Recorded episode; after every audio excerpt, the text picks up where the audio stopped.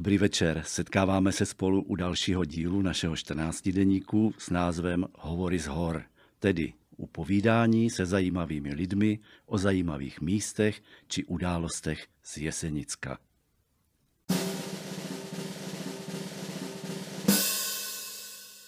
Všem stavům a městům nařízení dávám.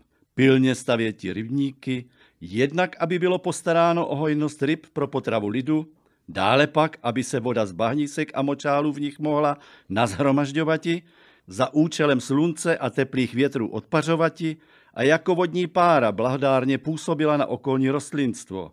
Mimo to má rybník ještě úkol v dobách rozlití vod trvalými dešti nebo táním sněhu velkou část vody zadržeti a tím náhlým povodním v krajinách níže ležících zabrániti.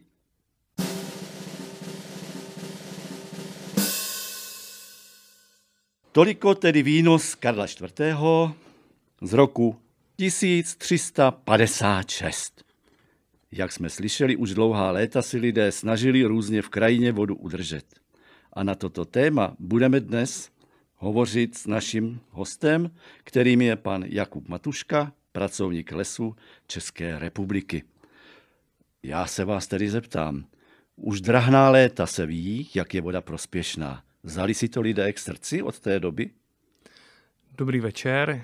Já doufám, že určitě a že to hlavně budou mít na paměti stále. Jak se to projevuje tedy, když se ohlédneme zpět? To znamená, budovali rybníky, lesy, nádrže?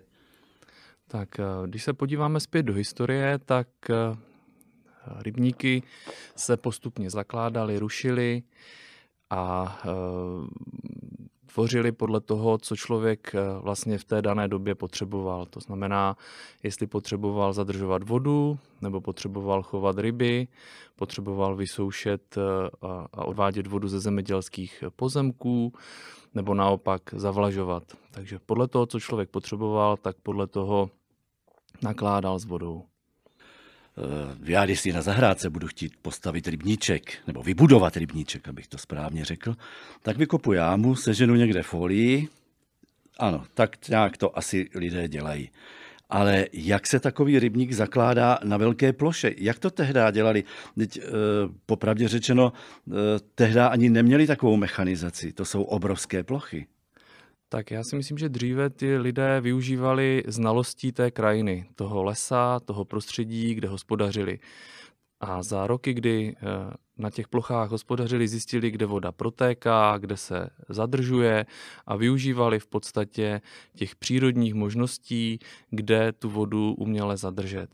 Eh, nemůžeme si představit to, že by odkopali, vykopali nějaké velké eh, kubíky zeminy. Spíš využili určitých nerovností v terénu, které potom přehradili a vlastně tu vodu eh, zadrželi v takovém tom přirozeném stavu v té krajině. Proto ty rybníky samozřejmě mají tvar různý podle toho, jak ta krajina, jak ta krajina vypadala. Dneska samozřejmě už to bereme víc s tou mechanizací, jak jste říkal, že by eh, se něco vykopalo, přemístilo a dělají se větší nádrže a tak dál, ale tohle je určitě eh, v současné době. V historii to tak nebylo.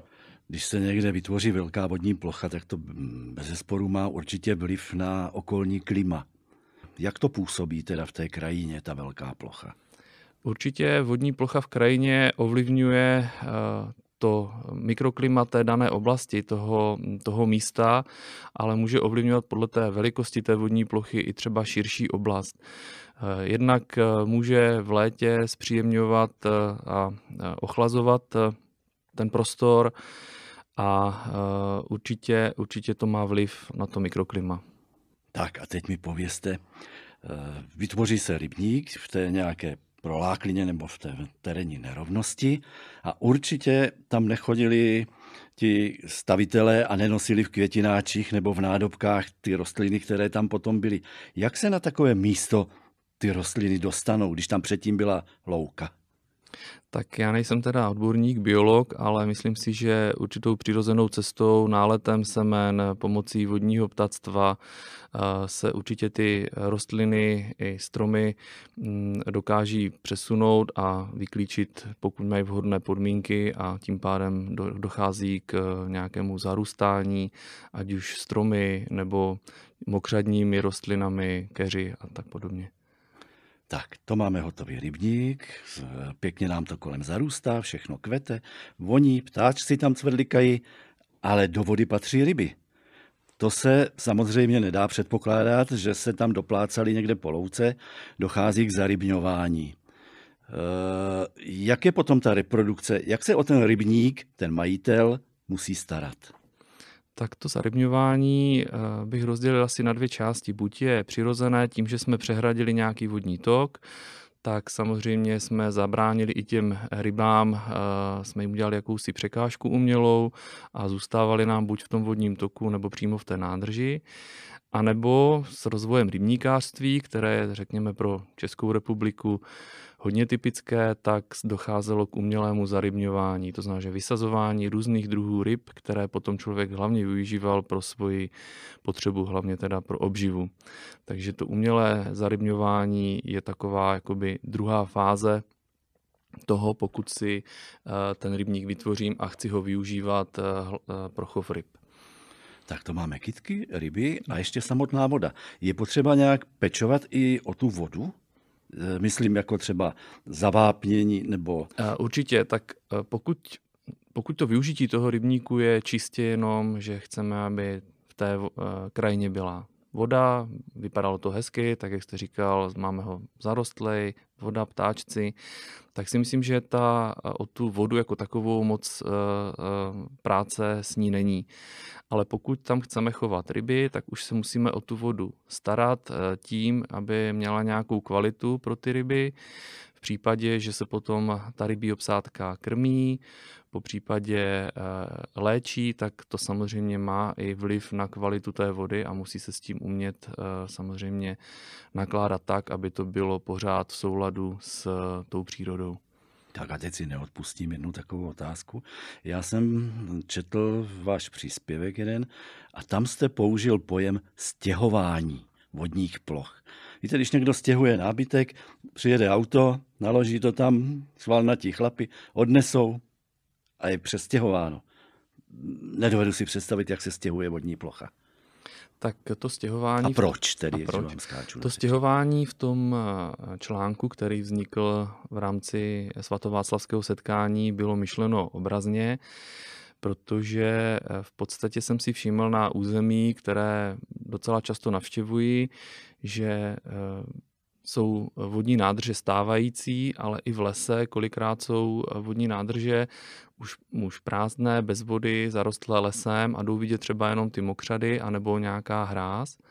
S tím, že jsem se potom následně podíval do map, historických map, eh, z vojenského trasování, z prvního, druhého a do současných map a zjistil jsem, že ty rybníky, ty vodní nádrže jakoby se zakládají, zase se někde objevují a když jsem si to dal v kontextu těch map, tak to vypadalo jako, že se stěhují, že v podstatě mění své místo. A to stěhování, jak jsem říkal, je obrazné, vlastně způsobují lidé svými potřebami. Co, co zrovna potřebují, jak potřebují tu vodu využít, tak tak zakládali nebo rušili, nebo prostě už nestačili obhospodařovat ty nádrže a tak zanikali. A tak to vlastně mě evokovalo k tomu, že se ty nádrže stěhují. Tak, tolik na vysvětlenou. Mě to leželo v hlavě a říkal jsem, přijde odborník, koho jiného bych se měl zeptat. No a teď další otázka. Eh, vodní, mají vodní plochy nějaký výrazný vliv na eh, stěhování nebo osídlování těch eh, území, územních celků obyvatel, obyvatelstvem? Já bych to trošku obrátil. Já si myslím, že vznik eh, nebo zakládání těch vodních nádrží spíš naopak eh, bylo ovlivněno osídlováním, kolonizací. To znamená v podstatě, když lidstvo začalo zakládat první vesnice, sídla, šoltéství, tak vlastně využívali uh, řeky. Tam, kde se dala řeka nějakým způsobem přejít, přebrodit, byla mělká, tak ji tam začali využívat, začali stavět ty osady. K tomu bylo spojeno, že začali teda budovat i rybníky. Takže já si myslím, že spíš než nádrže, tak že by ovlivnili to, to osídlování, tak osídlování ovlivnilo stavbu a, a vznik vodních nádrží. Tak. A protože jsme v úvodu v naší znělce mluvili o tom, že hovoříme o Jesenicku, tak se vrátím tedy zpátky k nám domů. Kde tady na Jesenicku je taková největší kumulace vodních ploch a jak si to vysvětlujete, že právě tam?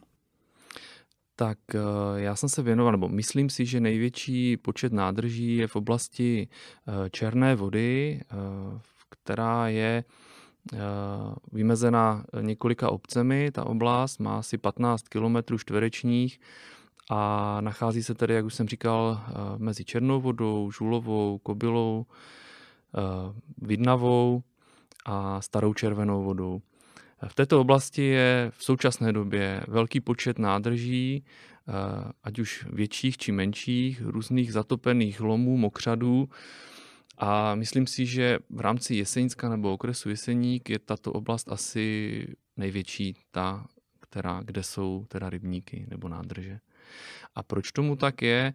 Mm, myslím si, že to je jednak tím, že to není příliš vysoko v horách, je to taková pahorkatina, nížina, kde pramení spoustu potůčků a protékají ty větší říčky, takže si myslím, že ti lidé využívali právě toho, že tam ta voda je a snažili se ji zadržet, aby jim rychle neodtekla z toho území a mohli využívat třeba například pro zemědělství nebo pro ten chov ryb.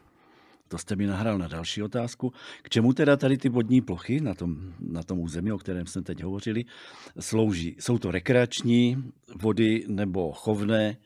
A tak, kdo je správcuje? Tak uh, správcovství je různé. Uh, přímo v té oblasti uh, velkou většinu těch rybníků obhospodařují lesy České republiky. Některé rybníky mají arcibiskupské lesy, některé jsou soukromé, možná i obecní. A e, na těch rybnících, které obhospodařují právě lesy České republiky, se i intenzivně hospodaří nebo chovají ryby. Některé ty rybníky, pokud je mi známo, jsou napájeny tedy různými mm, potoky, ale jsou i takzvané nebesáky. E, kolik je takových, nebo jak je e, poměr takových vodních ploch tady u nás? Tak to úplně nedokážu říct, takhle zmapované to nemám. Většina těch rybníků je, nebo těch nádrží a ploch je na nějakém, na nějakém toku, na nějaké říčce, potůčku ale myslím si, že v té oblasti, o které jsem mluvil, velkou roli hrajou i srážky, protože ty rybníčky jsou dotované i e, srážkami, protože to sběrné území nebo to povodí není příliš veliké a v dobách e, sucha, které třeba bylo, já nevím, v roce 2015, takové výrazné, tak té vody bylo velmi málo a opravdu hrály důležitou roli i srážky. Takže poměr mezi přirozeným rybníkem nebo nebo přirozeně naplněným rybníkem z nějakého vodního toku nebo nebesákem nedokážu opravdu určit, ale myslím si, že se tam určitě některé takovéhle vyskytují, ale jsou to spíš takové jako rybní nebo vodní plochy takového mokřadního typu, kde to opravdu dotují ty srážky a ta voda vzhledem třeba k podloží lovitému tam víc drží a dokáže se tam zadržovat v té krajině. Já jsem takový zvědavý, už od přírody. Takže která je největší vodní plocha tady v tom našem, na našem území. A pokud jde o hloubku, jak se ty hloubky eh, pohybují u těch rybníků. Většinou to nebývá příliš hluboké, že? Tak největší plochou nebo největší vodní nádrží v té dané oblasti je velký rybník, který má zhruba 17 hektarů a jeho hloubka, řekněme, u výpustí může být kolem 3,5 do 4 metrů ale průměrnou bych si tak typl, že může být kolem metru. Ty rybníky nejsou eh, příliš hluboké, eh, spíš eh, jsou mělčí tak, aby třeba vyhovovaly pro ten chov ryb a byly v podstatě ty vody nějakým způsobem ohřívány a byly vhodné pro ty ryby. Jestli se nepletu, tak u toho velkého rybníku se mohou lidé přijít podívat vždycky na podzim, na, tu, na ten údaj, který jste teď uvedl, protože při výlovu se rybník vypouští a je to krásně vidět, kde a jak je hluboko. Ano, a ono, ty rybníky jsou na tom podobně, uh, i ty menší, nebo které jsou tak nemývají velkou, velkou hloubku. U těch výpustních zařízení to je řekněme v průměru kolem dvou metrů a troufnu si říct, že ta průměrná je opravdu kolem metru, půl metr, tak bych to tak typoval. Když teď jsme zmínili ten výlov, jaké druhy ryb se tady u nás běžně vyskytují? Které z nich jsou původní a případně které sem byly dosazeny jako nepůvodní nové? Tak eh, když jsme se bavili o tom výlovu, tak tam je hlavní rybou kapr obecný, eh, který se chová eh, už delší dobu na černé vodě a bere se jako hlavní tržní ryba. Další takovou rybou je štika obecná, další je lín, který se na černé vodě vyskytovával ve větším množství, teď je to trošku problematičtější. A ty nepůvodní, které se chovají, tak je zejména tolstolobik a tolstolobec a potom amur. To jsou nepůvodní druhy, které se chovají čistě jenom eh, pro tu tržní hodnotu, pro tu obživu v podstatě. Z těch ryb je u některých eh, zákaz vstupu nebo jsou neveřejné. Je tam zakázáno třeba koupání kvůli nějakým ohroženým druhům, které by se tam vyskytovaly. Nemyslím teď ryb, ale na těch rybnících? Nebo... U těch, u těch rybníků, uh-huh. jestli někde, když člověk půjde, pojede, eh, že se půjde vykoupat, jestli tam najde tabulku, vstup zakázán, z důvodu a teď tam bude tabulka čolek či něco takového. Um, tak my máme u těch největších rybníků takové informační tabule, co se na tom rybníku smí a nesmí. Teď si teda úplně nevybavuji, jestli tam máme zákaz koupání přímo nebo ne, ale určitě bych to nedoporučoval, protože ty eh, rybníky jsou jednak eh, mělké, jednak jsou hodně bahnité a to bahnité dno může být pro plavce třeba docela zrádné, takže to bych úplně neriskoval. A eh, co se týká výskytu, řekněme, nějakých eh, chráněných živočichů, třeba obojživelníků, tak eh, ty se tam samozřejmě běžně vyskytují i na těch větších rybnicích, ale zejména na těch menších, kde se třeba intenzivně nehospodaří, na těch tůních. A tam si myslím, že by snad ani člověka nenapadlo se jít koupat, protože jsou to v podstatě mokřady, jsou to tůňky, ale zase pokud má někdo jako takovou potřebu, tak Může Dobrá. zkusit. Jsem turista, hledám něco zajímavého, e, něco jako naučtá stezka. Vy jste říkal, že tam máte informační tabule, ale je někde přímo vyznačená naučná stezka s informacemi? Přímo e, na u toho velkého rybníku nebo v té oblasti té černé vody, kousíček od obce Černá voda, je naučná stezka, kterou jsme nazvali, že to je naučná stezka nejen pro handicapované, eh, protože vede vlastně v podstatě po rovince, po asfaltové cestě, takže pro eh, vozíčkáře, pro maminky s kočárkama, pro děti na koloběžkách, na tříkolkách je vhodná, můžou se tam projít, obejít si má zhruba kolem 3 kilometrů, jsou na něch tři zastavení s informačními cedulemi, jednak o tom hospodaření s rybami, o tom, jaké ryby se tam vyskytují, i co se týká, řekněme, obojživelníků a plazů. A jsou tam přístřežky s možností posezení a odpočinku. Jasné. Teď si neodpustím takový dodatek. A odpadkové koše. Odpadkové koše tam nejsou, abych se přiznal, protože je standardně do lesa nedáváme. Eh, já zastávám názor, že by, eh, že by to, co si ten člověk do toho lesa přinese v batohu, ať už jsou to svačiny, perlahve nebo nějaké obaly, tak by si zase po tom skonzumování toho obsahu měli odnést. A myslím si, že pokud bychom eh, rozestavili v lese odpadkové koše, tak by asi lidé, protože jsou na to zvyklí, do těch odpadkových košů to dávali, ale já si myslím, že to je o něčem jiném, že by eh, měli lidé vědět, že v té přírodě se chová nějakým způsobem a není všude ten servis toho, že něco vyhodím do odpadkového koše a někdo to po mně potom uklidí a odveze. Takže spíš bych to viděl, aby to byla ta kázeň těch lidí, a byla nastavena tak, aby opravdu to, co si přinesu, tak odnesu a hlavně eh, to nevyhazuju nikde po cestě kamkoliv do lesa nebo do vody. Tak já doufám, že tuto část besedy si lidé ozaj zapamatují, protože ne všude je v lese vidět, že by lidé takto smýšleli. Docela mě to mrzí, protože odpadky nás trápí nejenom v té oblasti, o které jsem mluvil, ale myslím si, že všude ve volné přírodě a myslím si, že to je opravdu ještě hodně práce, aby si to všechny ty generace, které do, té, do toho lesa chodí nebo do té přírody, tak aby si to uvědomili a naučili se to. Ale já věřím tomu, že se to naučí a že to bude v pořádku. Tak budeme věřit spolu i s dalšími příznivci čisté přírody. A teď, eh, když jsme ty vodní plochy a byli jsme u, u Karla IV., pojďme do současnosti. Budovala se někde v blízké minulosti vodní plocha, nějaká nová?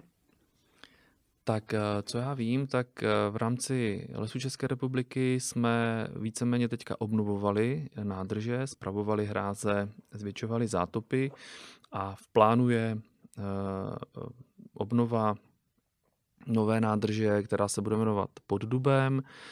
Potom vím, že by se měla obnovovat i nádrž na Roklinách, takže spíš eh, se teďka vyhledávají ty místa, kde třeba ty nádrže byly dřív a pokoušíme se je obnovit, ať už v tom původním rozsahu, nebo řekněme v nějakém upraveném větším, větší ploše, nebo se posouvají ty hráze tak, aby to do té přírody pasovalo a vyhovovalo to současným eh, požadavkům na tu výstavbu. Eh, když se zamyslíte nad tou plochou, o které jsme tady hovořili, doporučil byste posluchačům nějaký typ na výlet, jako kde by mohli zaparkovat, protože z Jeseníku je to vždycky kousek, tak aby bylo kde bezpečně zaparkovat a ne na louce a ničit přírodu, ale zaparkovat a vyrazit, byť s dětmi, se projít.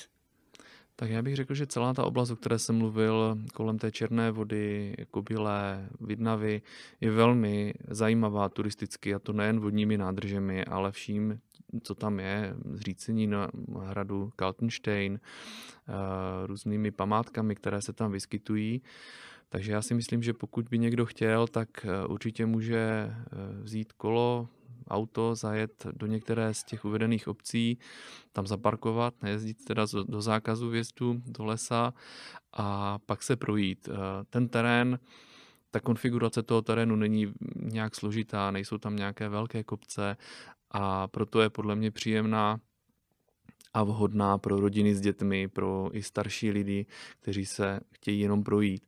A už jenom to projít se kolem, řekněme, těch největších rybníků, jako je třeba ten velký rybník, rybník nad Dubem, u Dubu, tak si myslím, že stojí za to. Je to příjemná procházka lesem, kdy pohled na vodní hladinu určitě uklidňuje, alespoň teda mě.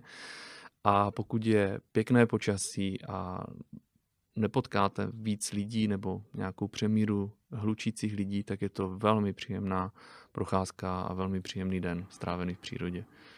Tak, teď jsme navnadili naše posluchače, je sice neděle večer, takže už teď asi nikdo nikam nepojede, ale budou mít v noci na rozmyšlenou a v příštích dnech se mohou k některé té nádrži vydat.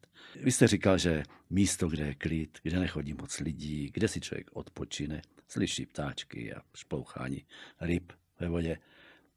Kam byste vyrazil vy, kdybyste takové místo hledal? Možná, možná nebudete chtít prozradit přímo jméno té nádrže, ale aspoň nějak přibližně.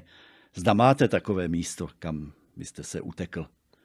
Tak když bych se měl držet těch vodních nádrží, eh, tak bych určitě využil ten velký rybník. Ten je opravdu pohled z hráze velkého rybníku na tu velkou plochu vody, plus panorama eh, těch kopců, které vidíme, eh, panorama Rychlebských hor, je velmi příjemný pohled a pokud je opravdu hezké počasí, tak si myslím, že to stojí za to. Pokud bych si mohl vybrat místo, které není třeba spojeno s vodou a rybníky, tak jsem eh, měl nebo mám oblíbený, řekněme třeba Medvědí skály nad Pomezím, kde je vyhlídka. A je tam zase panorama na Jeseníky i Rychleby a eh, velmi příjemné místo, ale bohužel musí, musíte šlapat trošku do kopce, je tam větší převýšení, ale zase ten výhled, který se vám potom vyskytne, je pěkný. Jinak, co bych řekl, celé Jesenicko si myslím, že stojí za to si projít, podívat se a každé místo má svoje kouzlo a je těžké vybrat to nej, a když to vezmu, že to je plocha od Bílé vody až po Zlaté hory, Jeseník, tak si myslím, že to Jesenicko stojí za to si projít a najít si těch oblíbených míst víc a využívat je. Jak říkal jste, že to je město, vybrat si místo, které je nej. Možná jsme dnes tou naší besedou tady, nebo tím vyprávěním, pomohli našim posluchačům rozšířit to jejich nej o další typ. Doufám, že si vzali k srdci vaše povídání o tom, jak se v přírodě chovat a budou se na ty vodní plochy a na ty rybníčky dívat trošku jinak, uvidí za nimi i kus práce a té péče, které tomu ti, kterým patří, věnovali. Já poděkuji panu Jakubu Matuškovi a třeba se s ním někde u nějakého rybníku potkáme. Přeji vám příjemný zbytek večera. Děkuji, pane Matuško. Já taky děkuji za příjemné povídání. Ještě bych rád k tomu dodal, že co se týká těch vodních nádrží a jejich budování, tak eh, ono v dnešní době asi není eh, těžké něco vybudovat, postavit nebo opravit. Já si myslím, že mnohem těžší je to udržet a udržet to tak, aby to bylo eh, užitné po delší dobu a lidé mohli třeba ty stavby využívat delší dobu. Takže spíš ta následná udržba a udržení tady těch staveb je velmi důležitá. Tak k tomu můžeme přispět všichni. To můžeme Kéž by tomu tak bylo. Ještě jednou děkuji, příjemný zbytek večera. Od mikrofonu se s vámi loučí Josef Halamíček.